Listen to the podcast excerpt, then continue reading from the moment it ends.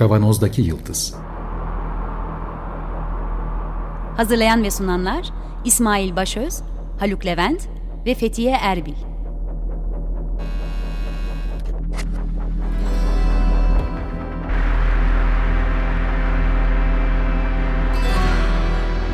Bugünün penceresinden geleceğin ayak izleri.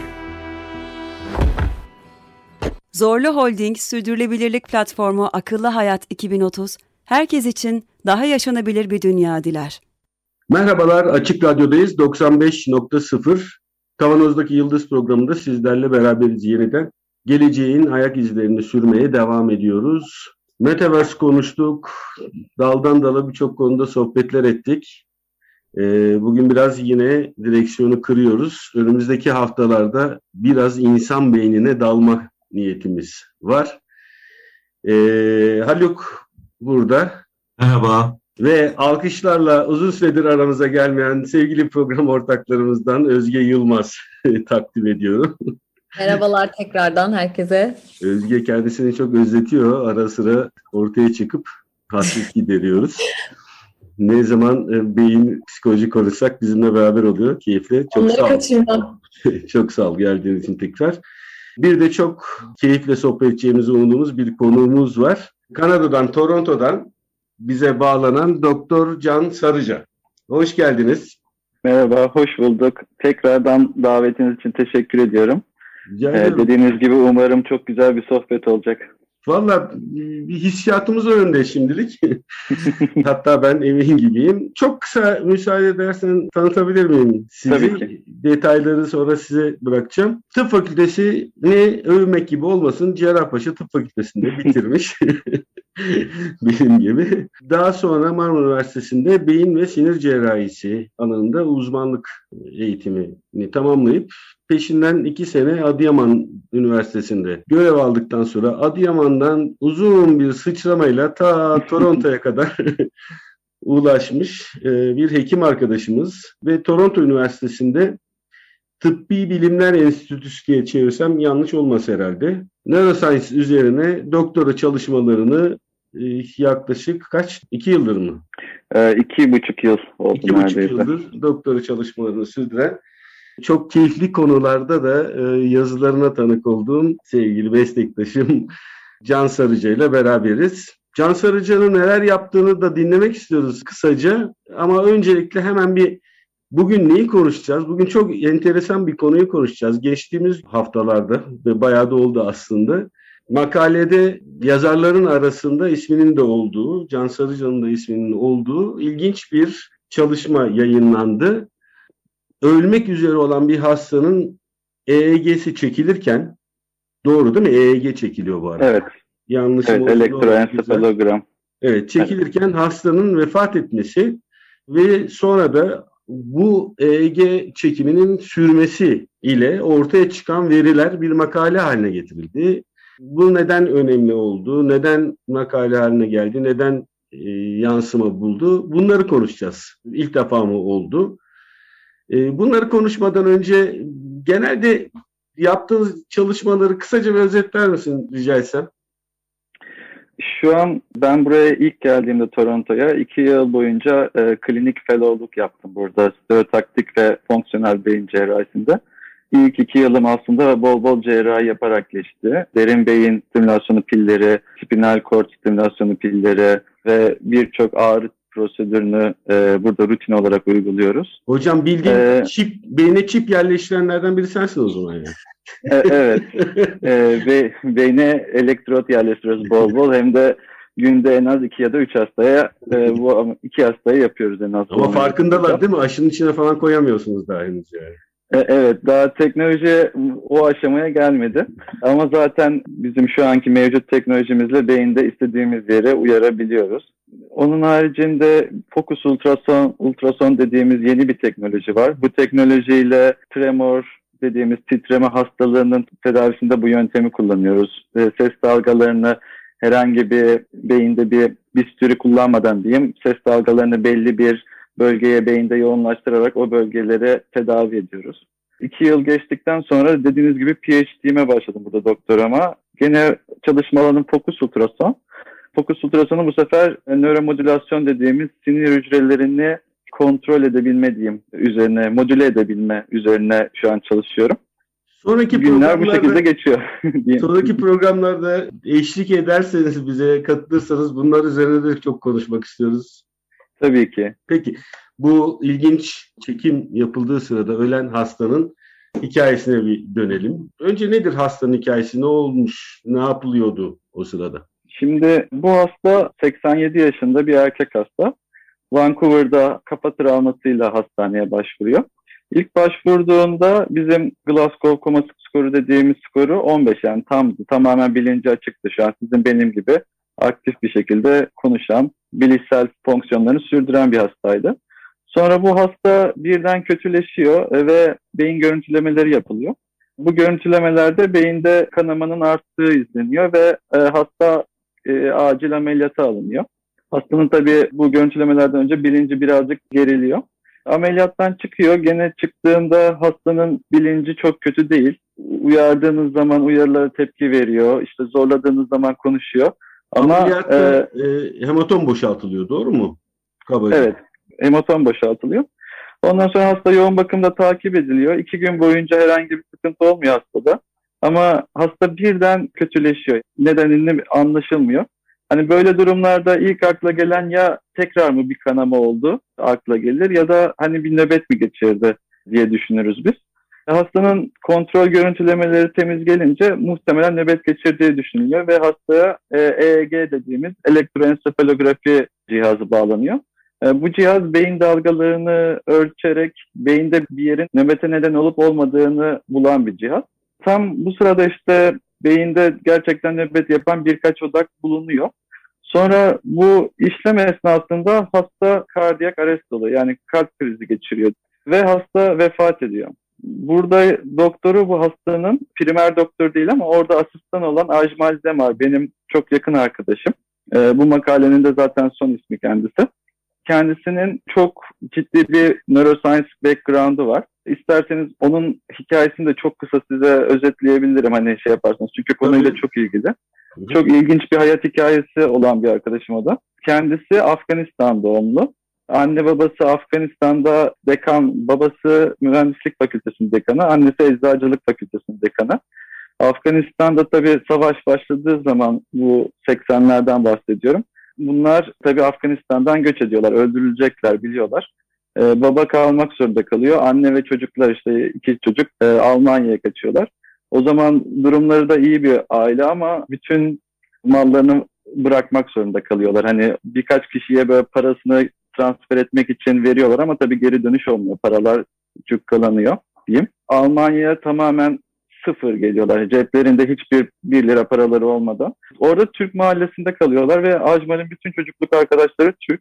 Kendi de Türkçe konuşuyor bir miktar.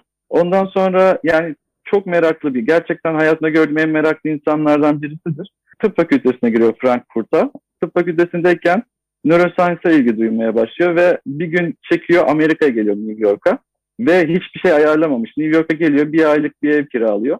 New York'taki bütün neuroscience uğraşan herkese e-mail atıyor. Ben gelip sizin yanınızda çalışmak istiyorum diye. 500 kişiye falan e-mail atıyor. Bir kişi dönüyor buna. O da Linus, meşhur neuroscience'cı. Tabii gelip ya, yarın başla diyor buna. Yani 500 kişiden bir kişi dönüyor ama dönen kişi yani böyle Nobel aday gösterilen bizim magnetoensefalografinin babalarından bir tanesi. Soruyor hani niçin şey yaptınız falan diye. Ben de seninle aynı durumdaydım. İsviçre'ye gitmiştim. Ben de bir şekilde birisi benim elimden tuttu. Ben de dedim ki bana başvuran kişileri reddetmeyeceğim diye. Onunla birlikte neuroscience eğitimini almaya başlıyor. Sonra Almanya'ya geri dönüyor ve İsviçre'de asistanlığa başlıyor. İki buçuk yıl İsviçre'de asistanlık yapıyor. Beyin cerrahisi asistanlığı. Asistanlığında neuroscience'da zaten ilgili olduğu için orada dört sene bir neuroscience PhD'si yapıyor. Gene çok meşhur bir neuroscience, neuroscientist'in yanında. Ondan sonra evleniyor dişi Kanadalı. Onunla birlikte Vancouver'a geçiyor ve Vancouver'da asistanlığına devam ediyor. Ve bu hasta onun asistanlığı döneminde onun karşılaştığı bir hasta. Yani hastanın primer doktoru, primer sorumlu doktoru değil. Burada dikkat etmişsinizdir belki makalede hiç Vancouver'dan neredeyse kimse yok. Yani hasta Vancouver'da, olay Vancouver'da geçiyor. Evet. Ama Vancouver'dan bir ya da iki tane doktor var makalenin içinde. Çünkü Ajmal burada aslında primer doktoruna diyor ki ya bu çok ilginç bir olay. Yani neuroscience açısından hani böyle bir şey insanlarda gösterilmemiş olabilir. Ben bu makale yazayım isterseniz diyor. Hani oradaki doktor diyor ki ya sen beyin cerrahisin bunlarla ne işin olur? Yani kendi işine bak. Sana bir şey katmayacak, bir maddi getirisi olmayacak. Ya sırf merak için boşu boşuna vaktini öldürme ve kendi işine konsantre ol diyor. Yani tamamen demotive ediyor. Ama kendisi neuroscience background'da olduğu bir insan olduğu için ve hani bu bilginin değerli olduğunu bildiği için ileriki dönemlerde kendi çabalarıyla yayınlıyor bu e, makaleyi. Bu makalede ne gösteriyor? Ondan da biraz bahsedeyim. Evet. Bu makale bir hastanın ölürken yani kalp ölümü gerçekleşmeden 30 saniye öncesindeki beyin dalgalarının kaydıyla 30 saniye sonrasındaki beyin dalgalarının bize bize bunu sunuyor açıkçası. Ne gösteriyor önemli olarak? Bu makale hastanın ölmeden önceki 30 saniyesinde bizim gamma bandı dediğimiz frekans bandındaki beyin dalgalarının koordineli bir şekilde aktive olduğunu gösteriyor. Biz beyin ölürken bütün dalgaların azalmasını bekleriz ama tam tersi bir şekilde bir dalga boyunda birden çok fazla bir yükseliş oluyor. Bu da merak uyandırıcı bir şey. Beyin ölme esnasında neden aktive oluyor? Ve kardiyak arrest geliştikten sonra bütün beyin dalgaları düşüyor beklenildiği gibi. Ama gene yüksek frekanslı olan bu gamma dalgası gene relatif olarak, e, görece olarak diğer dalgalara göre yüksek kalıyor. Ve senkron bir şekilde kalıyor. Coupling dediğimiz alfa dalgalarına eşleşmiş olarak kalıyor. Bu da çok ilginç bir bulgu. Bu daha önce hayvanlarda gösterildi. 2013 yılında e, Amerikan Science Akademisi'nin dergisinde yayınlandı. George Marush'un bir yazısı. Zaten bu bizim makalemizin reviewerlardan bir tanesi de kendisiydi.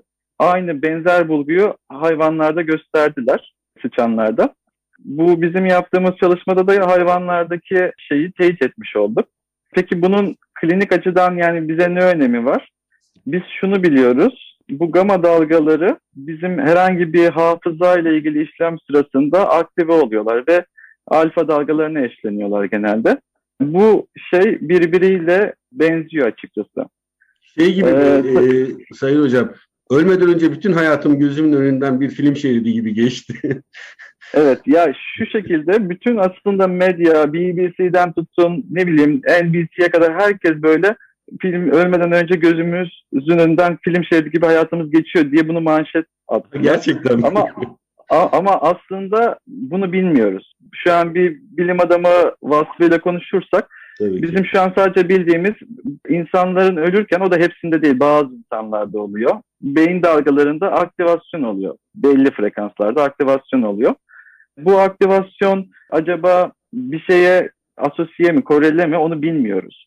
Yani bunu bilmemiz için hastanın o an öl, tam ölürken bu dalga olduktan sonra birden uyanıp Aa, ben benim gözümün önünden film şeridi gibi hayatım geçti demesi lazım. Öyle bir şey olursa ki o da bir hastada değil, bin, onlarca hastada olacak ki o şekilde kanıtlayabilelim bunu. Yani bunu kanıtlayamıyoruz. Biz makalemizde hani bunu sadece speküle ettik bu olay hafıza dalgalarıyla benziyor. Ee, acaba ölmeden önce hayatımız önünden gerçekten film şeridi gibi hikayemiz geçiyor mu diye biz sadece bir soru işareti koyduk diye açıkçası. Bunu farklı bir sürü farklı yorumlayan insanlar var. Hani biz medyadan çoğu yayınlanan yerlere baktık. Ne bileyim hani bunu şey olarak gören de var. İnsanın ruhunun çıkışı esnasında beyin dalgaları aktive oluyor diye yorumlayan da var. Hiçbir anlamı olmuyor diye yorumlayan insan da var bu konu çok yoruma açık olduğu için zaten medya bu işin üzerine bayağı gitti ve makaleyi e, gündemde tuttular öyle diyeyim size. Yani. Özge bir şey diyecektin. Şeyi söyleyecektim yani böyle bir EEG kayıtlaması hani yoğun bakımdaki bir hastadan da alınıyor mu ya da bunu özel ya da ilk gibi yapan şey sonuçları mı? Hani biz bulduğumuz bu gama mı şaşırtıcı yoksa Bizim böyle bir kayıt almamız mı şaşırtıcı? Daha çok. Ee, şöyle, insanlarda ilk EEG çalışması değil bu yoğun bakımda yapılan. Bu tarz dediğim gibi kayıtlar yoğun bakımlarda yapılıyor EEG kayıtları. Hani hastanın bilincini takip etmek için. Ama onlar sadece frontal elektrotlar kullanıyorlar. Yani tam böyle bir her şeyle kapsamlı bir EEG olmuyor. Bu hasta nöbet geçirdiği için her şeyle kapsamlı bir EEG cihazı bağlanıyor hastaya. O yüzden bu data yeni diyebiliriz. Ya ilk olup olmamasının zaten bu konularda çok da açıkçası bir önemi yok. Önemli olan ne oldu? Bu end of life electrical surges diye tabir ediliyor şu an. LS diye kısaltılıyor. Bu ölmeden önceki beyin dalgalarındaki aktivasyon dediğim gibi zaten ya 10-15 yıldır bilinen bir şey. Yani hayvanlarda da gösterilmiş. Birçok insan bunu deneyimliyor klinisyen. Ama yayınlanan makale sayısı çok az. Dediğim gibi daha önceden bizden önce yayınlanan makalelerde de sadece birkaç tane frontal elektrotla kaydedilmiş ama onlar da benzer şeyler görmüşler. Yani bu çalışmaların aslında hepsi birbirini destekler nitelikte. Ve bildiğimiz bir şey var. Bu gamma search bütün insanlarda gözüken bir şey değil. Yani ölürken sadece bir kısmında gözüküyor, bir kısmında gözükmüyor. Bunun nedenini de bilmiyoruz.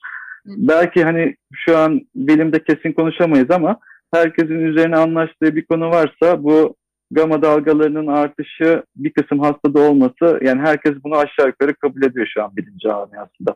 Ama bunun nedeni nedir? Veyahut da bu neyle bağlantılıdır? Bu bağlantısallık hakkında hiçbir fikrimiz yok. Medyada tam tersine bunun bu bağlantısallık kısmı ile ilgileniyor. Herkes hani bir şeye bağlamaya çalışıyor bunu. Ama şu an onun bağlayabileceğimiz bilimsel bir veri elimizde yok maalesef. Gama zaten herhalde en e, en çok ilgi çeken frekanslardan bir tanesi. Bu arada e, hemen şey söyleyeyim Özge. Gama derken alfa, beta, delta, gamma diye ayrı ayrı dalgalardan bahsediliyor. Evet. İsmini unuttuğum diğer dalga boyları e, küsmesinler bana varsa eğer. bu, bu dalga boylarından bir tanesi gamma olarak adlandırılıyor deyip Özge tekrar sana bırakıyorum.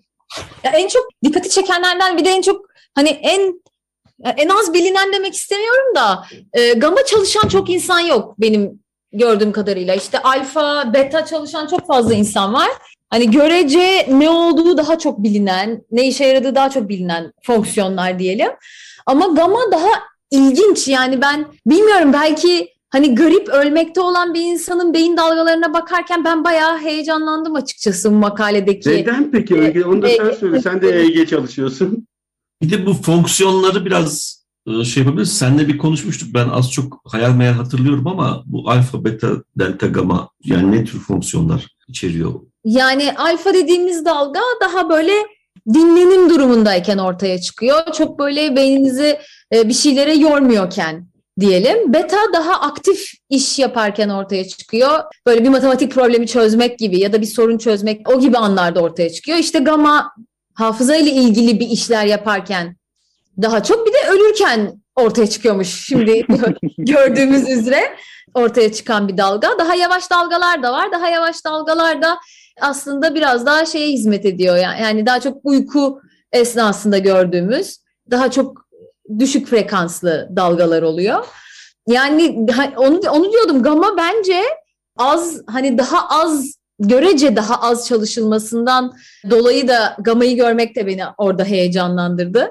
Ama işte diyorum kendimi de bir yandan kötü hissediyorum çünkü orada bir vaka var ve hani ölmekte olan yani zaten hayatını kaybetmiş bir kişi e, onun beyin dalgalarını böyle gözünüzün önünde beyin aktivitesini ve beyin ölümünü gözünüzün önünde görüyorsunuz o dalgalardan.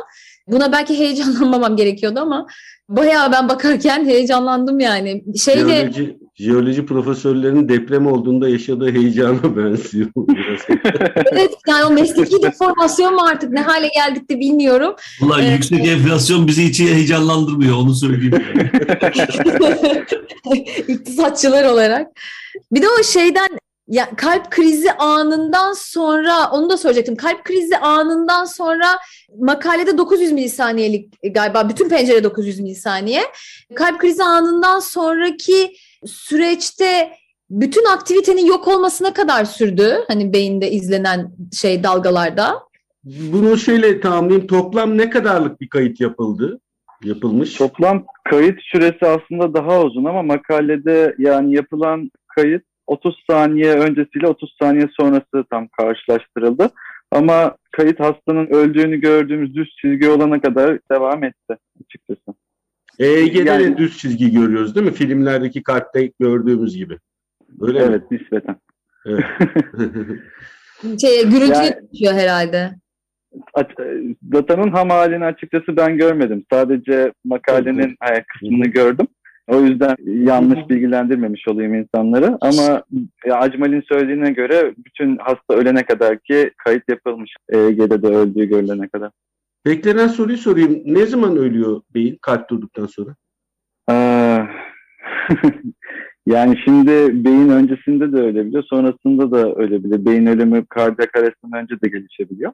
Sonra da gelişebiliyor. Kardiyak arrest olduktan kısa bir hemen kısa bir süre sonra beyin dalgaları, önce daha doğrusu beyin dalgaları süpresi oluyor.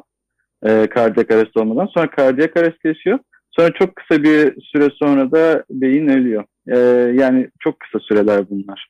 Ben de onu yani öyle çok uzun bu, uzun bir süreler değil. Bu Tam net olarak bin rakam ver, ver, veremiyorum ama.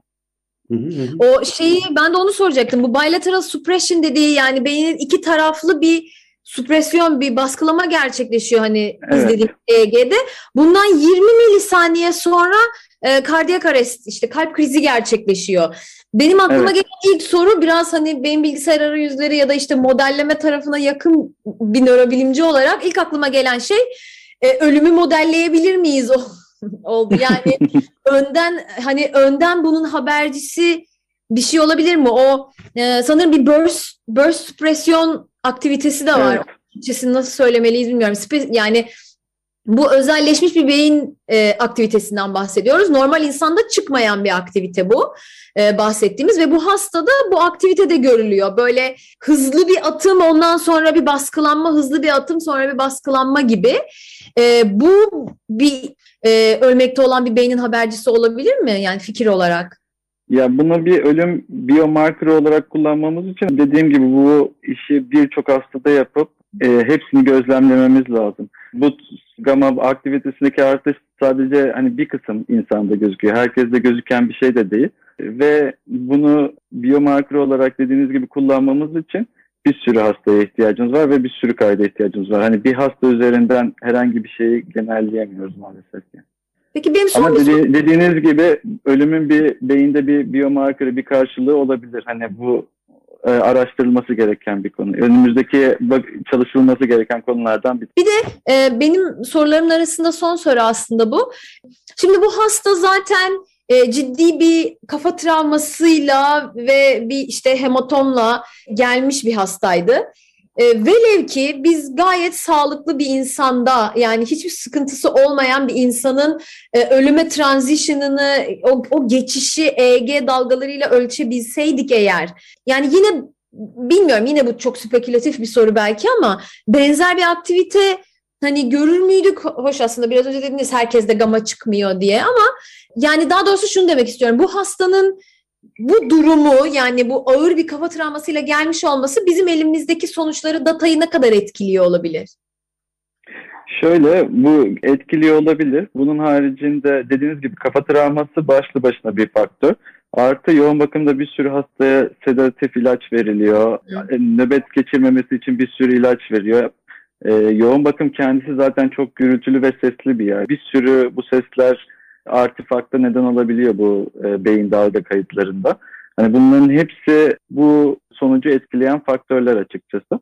Ama ilk sorunuza bir şey söyleyeyim. İlk sorunuzda hani beyin ölüm siyah beyaz bir şey değil açıkçası. Ölüm yani bir süreç içinde oluyor. Bir böyle atıyorum şu saniye tak öldük bitti beyazdı siyah oldu gibi değil. Bu kısa da olsa bir süreç içinde oluyor. Ve bu süreç içinde muhtemelen netleşmemiş olsa da fazlar vardır muhtemelen. Ve bu fazlar ileride belirlenebilir. Ee, ölümün şu fazında ya bu fazındayız diyebiliriz belki. Hani bunlar beyin dalgalarını kaydederek e, veyahut da başka biyomarkerlar bulmaya çalışarak yapılabilecek işler açıkçası. Sağlıklı insanlarda bu tarz kayıtlar yapılabilir mi? Şu an benim çalıştığım alan zaten dediğim gibi derin beyin stimülasyonu yapıyoruz. Ee, ve son bir buçuk yıldır beyine koyduğumuz elektrotlardan beyin dalgalarını da ölçebiliyoruz. İstersek beyinde korteks dediğimiz beynin kendi üzerine aktif olan kısmını da elektrot koyabiliyoruz. Yani buralardan da kayıtlar alabiliyoruz ve e, örnek vereyim mesela e, bunu yaptığımız bir epilepsi hastası veya bir Parkinson hastası yolda giderken bir şekilde hmm. ölürse bunların kay- kayıtları onun bizim yerleştirdiğimiz, evet. implant ettiğimiz pilinde kayıtlı olacak. Hani mesela buradan da bu dataya ulaşabiliriz açıkçası. Yani gene sağlıklı insana elektrot takmıyoruz ama hani istesek sağlıklı insan takıp da bunu da yapabiliriz yani. Tam da önümüzdeki programlara pas oldu e, beyin implantları ile ilgili. Peki bunu epileptik bir insana takılan bir çeşit implant olan bu elektrotlar sadece ölmeden önce neler olmuş anlamak için yapılmıyor herhalde değil mi? Müdahale etme şansı da oluyor mu deyip son bir Bu derin beyin elektrotları e, te- hastalıkları tedavi etmek için kullanıyor. Ya en yoğun kullandığımız hastalıklardan bir tanesi Parkinson hastalığı. evet. De- derindeki bölgelerine yerleştirdiğimiz zaman ve o e, elektrot vasıtasıyla o bölge elektrik verdiğimiz zaman o bölgedeki normal fonksiyonuyla çalışmayan hücreleri, aksonları baskılıyor mesela. Keseceğim. Tamam. keseceğim. Neden keseceğim? Bunları uzun uzun konuşacağız zaten. Süremiz de ayrıca tamamlandı. Kusura bakma. Doktor Can Sarıca ile beraberdik. Toronto'dan bize katıldı. Çok çok teşekkür ederiz gerçekten. Bir iki tane ana fikirle gidelim. Bir, bir tek e, hastanın, ölmek üzere olan bir hastanın beyin elektrik e, akımlarını kaydederek bir genelleme yapma şansına şu anda sahip değiliz ne de birçok medyada çıktığı gibi bütün ölenlerin hayatı gözünün önünden bir film şeridi gibi geçiyor deme şansına hiç sahip değiliz. Bunlar birikerek uzun vadede bize e, bilimde e, yeni yollar açması beklenen çalışmalar olarak tanımlayabiliriz. Yani dinleyicilerimize söyleyeyim. Gözümüz gözünün önünden gerçekten film şeridi gibi hayatımız geçiyor olabilir. Bunu sadece şu an Tabii. e, kanıtlayamayız. Yani Evet. bu doğru olabilir. Evet. Aynen. Olabilir de olmayabilir. Daha uzun çalışmalara gerek var ve şahane bir çalışmanın bir parçası olarak siz de bu yolda insan evladına yardımcı oldunuz diyelim. Ee, önümüzdeki programlarda tekrar birlikte olma sözü istiyorum. istiyoruz. Tabii, tabii ki. Çok keyif aldım e, bu sohbetten. Sizlerle tanıştığıma da çok memnun oldum. Umarım önümüzdeki programlarda da gene birlikte oluruz. Size dediğim gibi bilim kurgu şeklinde olan şeyler artık gerçekleşiyor. Ve bu tarz yaptığım çalışmalar hakkında evet detaylı bilgiler verebilirim. Tamam. Önümüzdeki süreci böyle planlamıştık zaten. Çok da güzel Seviniriz. Çok teşekkür ederiz. Teşekkür ederiz. Ben teşekkür ederim. Programımızın sonuna geldik. Bu programın size ulaşmasını sağlayan Açık Radyo'nun çalışanı bütün arkadaşlarımıza çok teşekkür ediyoruz. Ellerine sağlık. Program destekçimize çok teşekkür ediyoruz. Önümüzdeki hafta tekrar görüşmek üzere. Sağlıkla kalın. Hoşçakalın. Hoşçakalın.